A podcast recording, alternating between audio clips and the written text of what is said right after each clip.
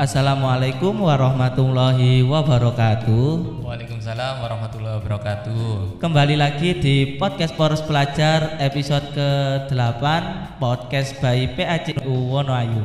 Bersama saya Ahmad Isa Alfirdaus. Alhamdulillah pada kesempatan ini episode ke-8 ini kita kedatangan bintang tamu yang sangat-sangat istimewa. Bintang tamu kali ini adalah Ketua PAC Ibnu Wonoayu. Bisa disepil? Oke, terima kasih Mas Firdaus. Nah, perkenalkan saya Muhammad Afifuddin, biasa dipanggil Mas Afif, Mas Udin, atau boleh yang lainnya. Saya beralamat di Desa Candi Negoro. Kemudian saya sebagai mahasiswa sekaligus juga pekerja pekerja swasta bukan negeri nggih. Wah, ternyata Mas Afifuddin adalah seorang pekerja dan mahasiswa. Nah, di masa pandemi seperti ini apakah berpengaruh di kuliah atau bekerjanya Mas Afifuddin ini? Apakah berpengaruh? Cukup berpengaruh sekali nggih. Uh, untuk untuk pandemi ini dari bidang saya uh, dari belajarnya mahasiswa kebetulan sejak awal masuknya pandemi ini ke Indonesia ini sudah daring langsung diterapkan metode daring. Nggak ada yang di kampus sama sekali.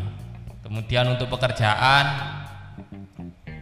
sangat berimbas juga karena kami pekerjaannya ini uh, di sales marketing. Artinya ketika pandemi ini cukup menurun tren konsumsinya konsumsinya masyarakat untuk membeli kebutuhan tersier lebih mementingkan kebutuhan pokok karena juga mungkin dari datangnya pandemi ini ada beberapa masyarakat yang kehilangan pekerjaan sehingga uh, beli kebutuhan pokok. Nggak ada yang kebutuhan lainnya. Tidak diutamakan lah itu. Sedangkan yang saya jual ini kebutuhan bukan kebutuhan pokok nah itu yang membuat imbasnya dari pandemi ini Nah, ngomong-ngomong masalah pandemi, kan Mas Afifuddin ini sebagai ketua PAC Ibnu Wonoayu. Nah, gini, gimana caranya agar organisasi tetap lanjut dan tidak menurunkan kualitas karenanya kegiatan di masa pandemi ini. Jadi, bagaimana itu caranya agar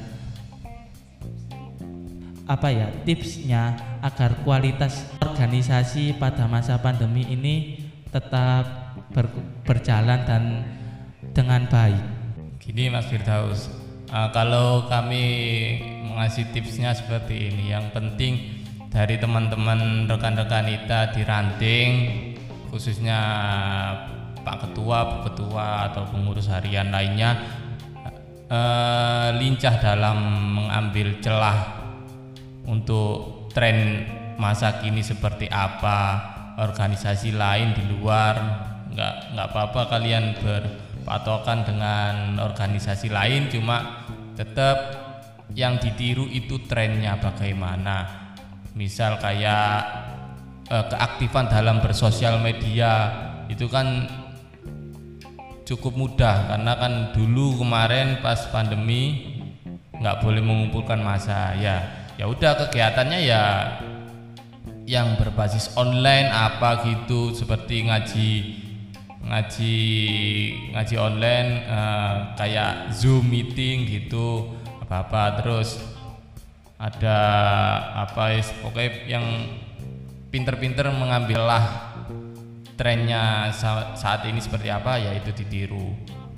Kemudian untuk keistiqomahan dalam rutinan misal di masjid iya, rutinan itu ya tetap dijalankan. Karena uh, hal yang biasa mungkin itu dipandang ya biasa-biasa saja. Namun ketika hal biasa itu kita jalankan secara istiqomah insya Allah itu akan menjadi hal yang luar biasa.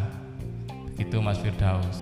Nah gini tadi kan Mas Afifuddin juga bekerja belajar maksudnya sebagai mahasiswa dan berorganisasi.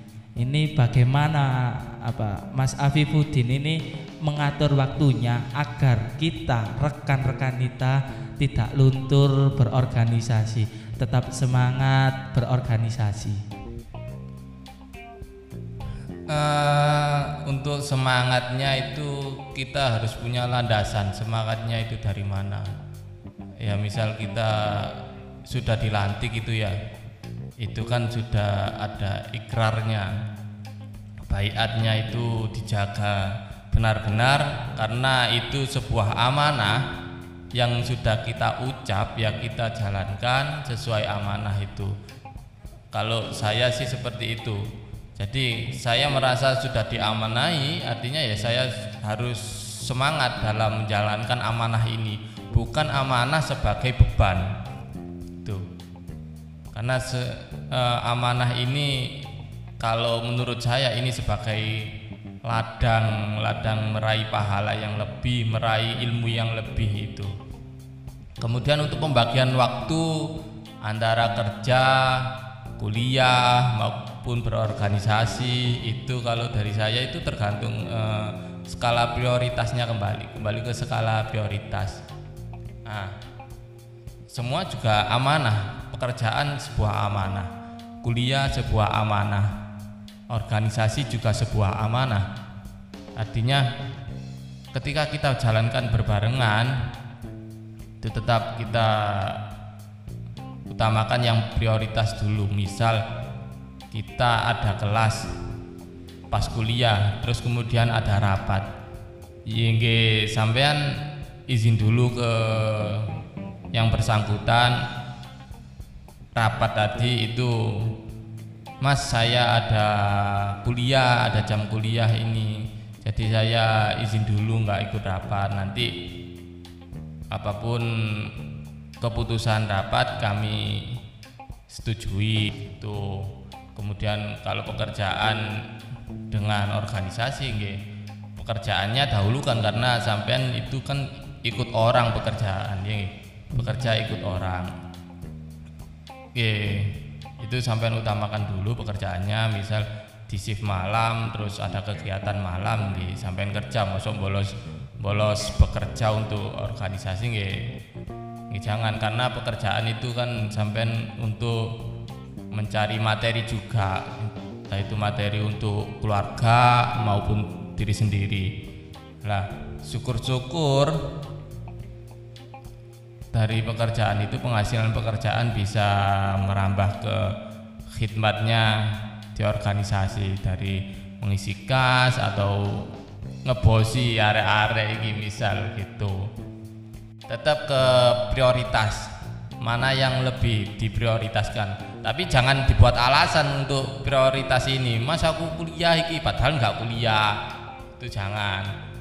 Mas aku kuliah padahal bucin itu entah nang kafe.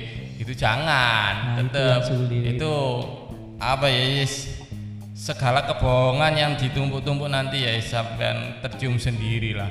Nanti buruk sendiri buat sampean jadi hindari yang kebohongan kebohongan itu. Yeah, yeah. gitu. Nah itu tadi rekan-rekan kita tips dari Mas Udin. Tetap semangat dalam berorganisasi meskipun kita itu bekerja, belajar atau kuliah dan berorganisasi. Pokoknya kita harus pintar-pintar membagi waktu. Oke, ini kan memasuki bulan Ramadan. Pada bulan Ramadan biasanya ada beberapa tradisi yang dilakukan oleh warga NU Nah, salah satunya tradisi yang dilakukan warga NU sebelum memasuki bulan Ramadan yakni megengan. Menurut yang saya baca, megengan adalah tradisi memberkati berkat atau makanan kepada tetangga biasanya menjadi pengingat kalau masuk bulan Ramadan. Menurut Mas Udin, bagaimana sih bagaimana sih megangan ini? Kalau di kampung saya sih begini Mas Firdaus.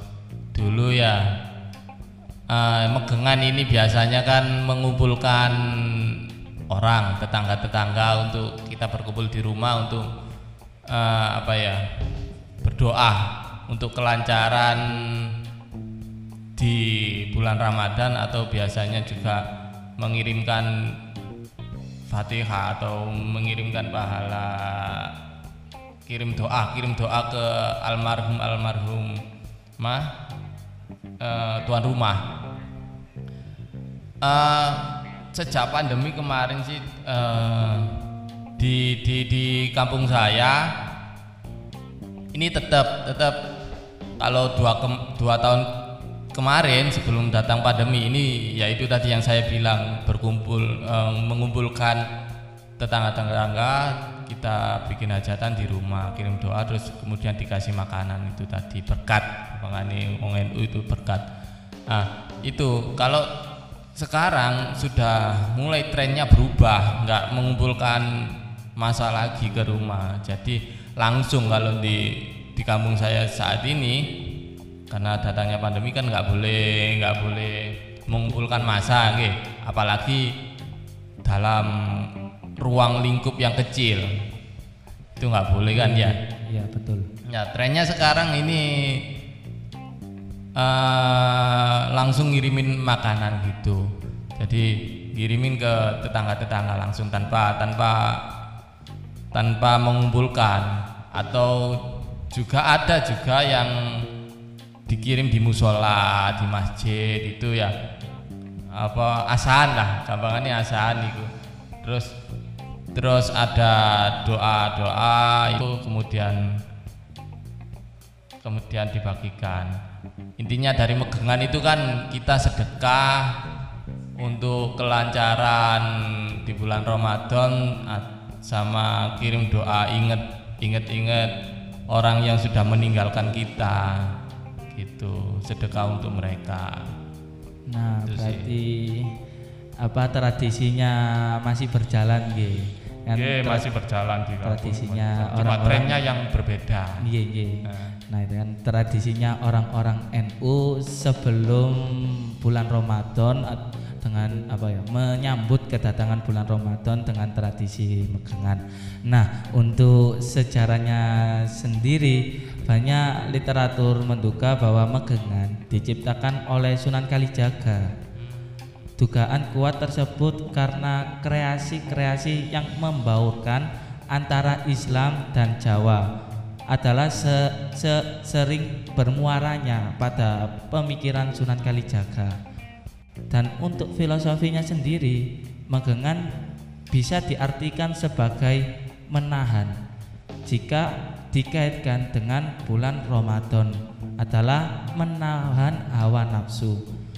Menahan, menahan hawa nafsu yakni menahan makan, menahan minum dan hawa nafsu yang berupa hubungan seks tadi Oke, untuk selanjutnya tradisi orang NU atau orang Jawa sebelum menyambut bulan Ramadan yakni nyekar. Biasanya kita atau dalam keluarga kita diobrak-obrai. Ayo le nyekar le nang bapak ibu. Nah, itu adalah suatu tradisi warga NU sebelum menyambut Ramadan karena sebelum bulan Ramadan kita akan itu apa namanya mengirimkan doa-doa kepada leluhur kita terutama bapak ibu yang sudah mendahului kita. Jadi supaya di bulan Ramadan ini kita melaksanakan bulan Ramadan atau menjalani bulan Ramadan dengan lancar. Menurut kalau ini kalau menurut Mas Afifuddin tradisi nyekar ini masih ada tadi desanya Mas Afifuddin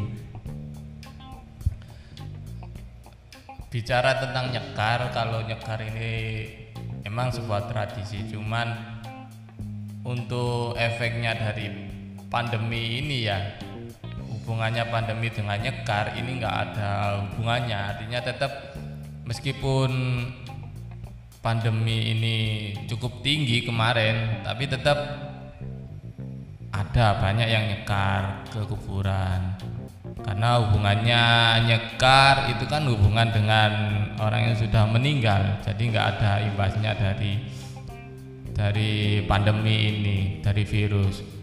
Kecuali kalau nyekar itu apa ya hubungan dengan yang masih hidup. Iya bukan nyekar sih.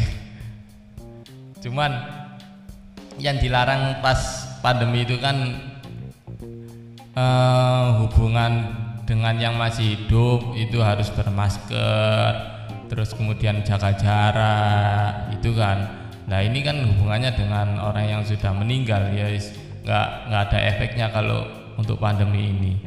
Tetap jalan di kampung saya tetap jalan Berarti di desanya Mas Afifuddin tradisi nyekar ini tetap berjalan gitu? Iya, kalau malah malah sebelum Ramadan ini malah rame-ramenya biasanya. Sebelum Ramadan, sebelum sebelum hari raya itu biasanya rame. Berbeda dengan biasanya yang di hari Kamis itu itu ada rutin ada orang yang rutin nyekar ke orang tuanya yang sudah meninggal atau mbah-mbah itu yang sudah meninggal itu tiap Kamis. Namun ya. sebelum sebelum Ramadan sama hari-hari tertentu itu rame. Alhamdulillah rame di kampung saya masih rame untuk yang nyekar itu. Masih banyak orang yang nyekar, masih banyak orang yang ingat dengan keluarga yang ditinggalkan itu. Ya biar tetap sambung ya, maksudnya sambung doanya. Iya, kan betul. biar di sana itu mendapatkan apa ya ganjarannya. Kalau di desanya Mas, Mas Udin tadi hari Kamis ada orang nyekar kan ini juga tradisi. Dan biasanya orang Jawa juga ngarani atau menyebutkan bahwa hari Kamis malam Jumat itu roh-roh yang di alam sana itu kembali atau pulang ke rumah gitu. Nah, betul betul. Nah, untuk sejarahnya Nyekar ini yang menurut atau yang saya baca banyak literatur yang menduga bahwa Nyekar bermunculan atau muncul karena al karena alkulturasi budaya Islam Jawa Hindu. Kalau menurut kepercayaannya kalau menurut kepercayaan Jawa Ruah adalah abadi dan setiap bulan ruah selalu pulang. Dan untuk filosofinya yang juga saya baca yang mana nyekar berasal dari kata sekar yang artinya bunga. Namun per, pelajaran yang bisa kita ambil menurut faham modern adalah pengertian nyekar sebagai refleksi pada kematian, juga berbagai doa pada kerabat yang sudah meninggal dan sekedar pengobatan rindu. Ya, ya benar-benar. Ya biasanya trennya tren uh, tren nyekarnya nyekar yang rame-ramenya itu pas sebelum puasa itu ruah kan ya, iya, ya ruah. Bulan ruah itu ruah Syakban. Bulan Syakban ruah itu. Nah itu banyak orang masyarakat kita berdatangan ke kuburan untuk pengiling itu tadi secara okay. filosofinya itu kan mengingatkan, uh, mengingatkan kematian kita, pengiling gitu. Iya. Sebagai juga obat perindu ya. Nggih, betul. Banyak juga yang pas Syakban atau ruah itu banyak yang mengadakan ruah desa istilah itu. Ya. Nah, mendoakan leluhur-leluhur desa, desa yang sudah membabati istilahnya yang sudah hmm, mengingatkan sejarah juga untuk ruah desa itu untuk generasi muda itu tetap iling sejarah jas merah. Yeah. jangan sampai lupa sejarah.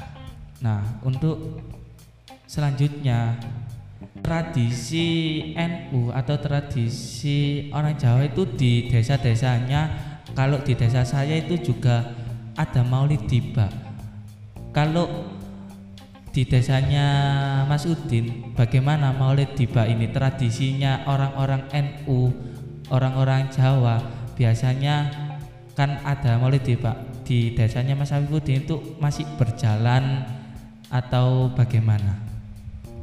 untuk dibaan sih ya. Uh, di desa saya masih berjalan untuk saat ini. Cuman kemarin pada waktu awal-awal pandemi cukup terganggu di Praikno diliburkan untuk kegiatan-kegiatan yang mengumpulkan massa. Kalau sekarang kan sudah trennya mulai menurun virusnya ini sehingga diimbangi dengan kegiatan-kegiatan yang positif. Harapannya juga dari kegiatan-kegiatan positif dibaan tahlilan itu mengusir ya cepat mengusir virus ini supaya pergi total lah gitu. Nggih, betul. kembali ke normal kan di antara bacaan-bacaan Maulid Tiba yakni menceritakan biografi baginda Nabi besar Muhammad Sallallahu Alaihi Wasallam. Mungkin bisa pada wasilanya Nabi Muhammad ini dengan syafaat Nabi Muhammad ini virus corona atau covid-19 ini bisa hilang di permukaan bumi. Nah untuk sejarahnya Maulid Tiba ini kan Maulid Tiba merupakan salah satu dari sekian banyak karya yang diciptakan oleh Ibnu Tiba menurut riwayat Ibnu Tiba cukup masyhur di kalangan masyarakat Yaman Utara. Tepatnya di kota Zabid Beliau lahir pada 4 Muharram 866 Hijriah dan beliau Ibnu Tiba wafat pada hari atau 26 Rajab 944 Hijriah gitu. Isinya sejarah ya Mas Yadiba itu nggih. Iya, yang Cuma kan biasanya uh, apa ya? Jarang orang yang mengartikan Diba e, menceritakan arti dari dipa isinya itu jadi iya. nggak iya. tahu itu dikiranya apa ya bacaan Al-Qur'an malahan nggih nggih betul kebanyakan orang itu ya mungkin dari rekan-rekan kita ini lebih disepil lagi untuk dibaan itu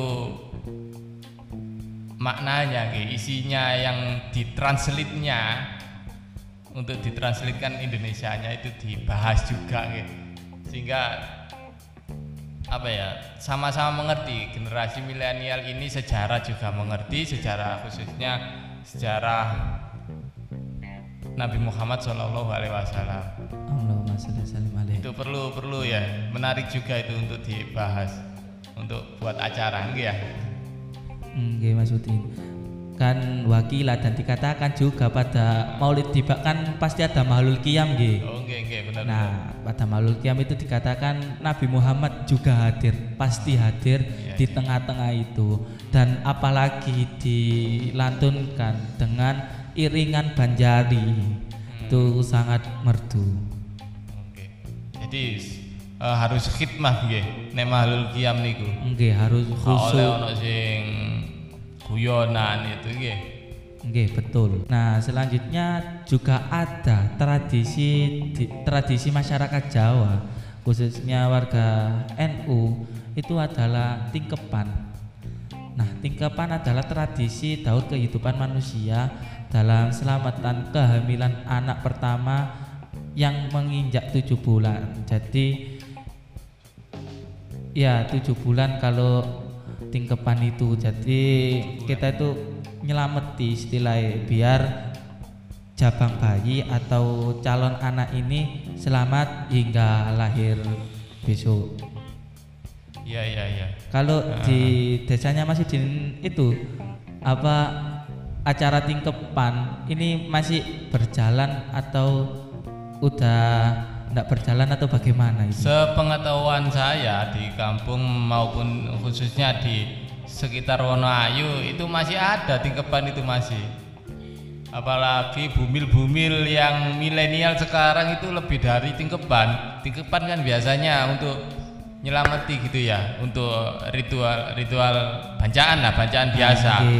Kalau sekarang ibu-ibu milenial ini mbak-mbak milenial malah dibuat foto sekarang ada kayak foto private private ulang sebelum rilisnya bayi itu foto di studio itu kan juga termasuk euforia menyambut kedatangan jabang bayinya itu. Iya, sang calon bayi Gitu. tadi.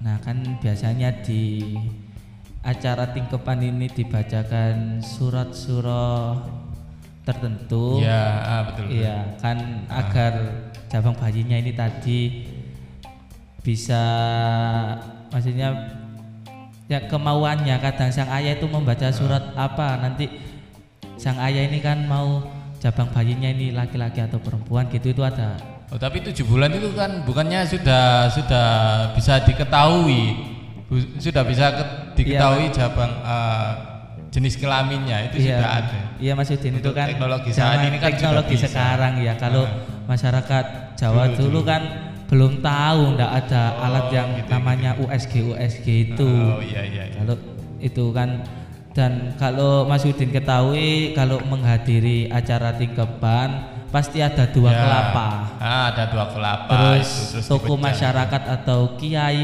menuliskan Arab atau hmm, ya. atau ini wayang dengan harapan watak atau toko si wayang ini menjadi apa ya perilaku atau biar misalnya apa toko masyarakat ini menulis pada kelapa tersebut wayang ini agar cabang bayi atau calon bayi ini lahir dengan watak ini kan itu Hmm, begitu, kepercayaan orang Jawa Iya. Kalau di be- secara agamanya itu boleh apa enggak kalau seperti itu Mas Daus? Mas Daus kan ini alumni pondok ya. kalau di ditarik-tarik ini hukumnya bagaimana? Seperti itu. Aduh, itu agak berat itu. Tapi kalau berjalan kalau ini sudah nggak mungkin juga ya masyarakat menjalankan tradisi ini kalau nggak ada dasarnya pastinya sudah ada dasar hukumnya juga nggih. Kalau dikatakan hukumnya haram nggih nggak mungkin masyarakat menjalankan atau tradisi itu masih ada. Nah, ya kalau menurut hukum ya kita sesuai dengan niat kan Rasulullah juga bersabda innama a'malu binniyat. Iya iya iya. Iya kan? Amalan tergantung niatnya gitu. Iya, segala sesuatu tergantung pada niatnya dan itu hadisnya sahih. Hmm, kita contohnya tadi kita nulis atau tokoh masyarakat tadi nulis di Kelapa. kelapa, dengan watak ini ini kan niatnya biar oh sang jaba bayi ini bisa apa gitu seperti apa ya cabang bayi itu tadi itu kan biar wataknya sama seperti toko pewayangan tersebut kalau saya itu kurang ngerti kalau tulisan Arab itu itu ada kadang kiai atau tokoh masyarakat juga nulis Arab itu di, di kelapa tadi. Iya di kelapanya tadi, tapi saya belum mempelajari, belum tanya-tanya gitu. Iya, iya, iya. Skip aja nanti malah permasalahan ini. Nah ya intinya bolehlah sesuai niat kita. Tadi itu Niatnya kan niat. Umumnya niatnya kan untuk keselamatan jawang bayinya Iya. didoakan, dibaca-bacakan eh, surat-surat suci Al-Qur'an gitu. Berarti kan enggak saya rasa kalau seperti itu ya nggak apa-apa, bukan larangan juga sih kalau seperti itu. Kan kembali lagi ke niat tadi ya. Iya, Niatnya kan untuk melancarkan gitu ya. Dan tidak sedikit juga loh, maksudnya di acara tingkepan itu dibacakan istighosah kan. Hmm, iya iya iya. Ya banyak kok. kan istighosah kan biar gampang gitu dipermudah urusannya terus agar tadi itu jabang bayi selamat sam- sampai melahirkan itu tadi apa ibunya dan juga jabang bayi itu selamat. Takutnya kan rekan-rekan kita ini yang uh, mungkin yang sudah umurnya yang rekan-rekan kita ini umurnya yang sudah mau menikah itu diomongi konco-konco ini khususnya biasanya di area kampus di bid'ah bid'ah kan bisa menjawabnya gitu. Okay, kalau punya dasar hukumnya. Engkau mari di bid'ah bid'ah no kapok wis kuliah rekan-rekan kita nggak menjalankan tradisi tersebut. Padahal tradisi tersebut juga kan baik untuk keselamatan cabang bayi gitu. Iya betul. Dan perlu rekan-rekan kita ketahui bid'ah itu ada dua. Bid'ah hasanah dan bid'ah dolala hmm. baik dan buruk. Kalau bid'ah yang baik mari kita laksanakan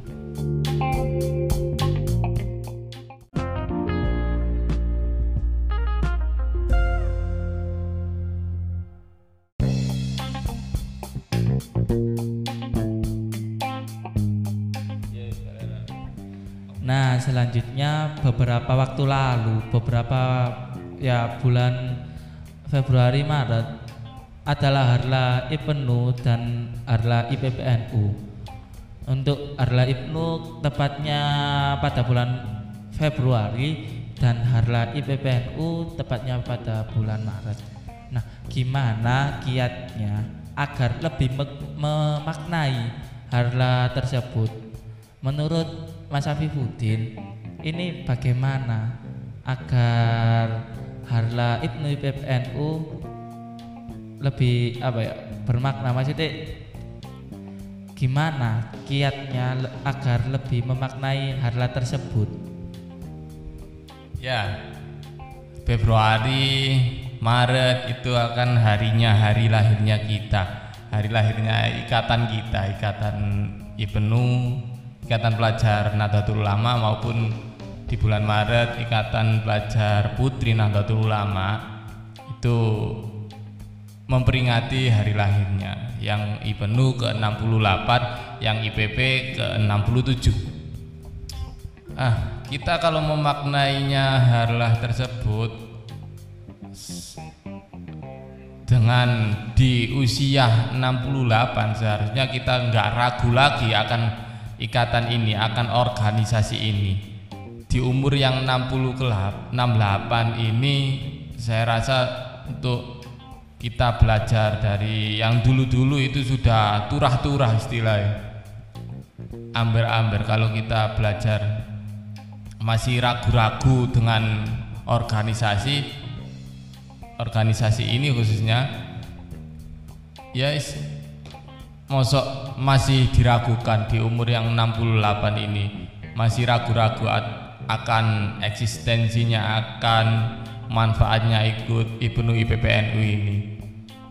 Itu ya nggak usah ragu-ragu lah dalam kita berorganisasi di IPNU ini. Karena sudah jelas usianya sudah 68 67 mosok sih ragu. Ya jangan dibandingkan dengan inilah organisasi yang masih masih beberapa tahun kemarin. Toh kita ya juga punya landasan berjalannya. Ada ADARD, PDPRD, ada PPOA sudah ada. Kalau kita melangkah berorganisasi itu sudah mapan lah ini sudah ada aturannya. Dalam berorganisasi seperti apa. Itu sudah diatur untuk memanainya memperingati hari lahirnya ya seharusnya kita harus lebih bersemangat di di tahun yang di 68 tahun ini kita harus bersemangat lebih semangat. Jangan malah lebih loyo.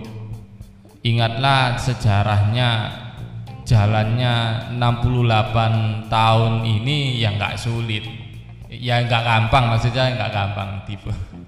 Nggak gampang. Jadi kita harus bersemangat melanjutkan tongkat estafet. Organisasi organisasi ini dengan penuh semangat dan penuh tanggung jawab. Kembali ke tanggung jawab tadi ketika tanggung jawab kita kita tanamkan dalam hati mantap bener nggih.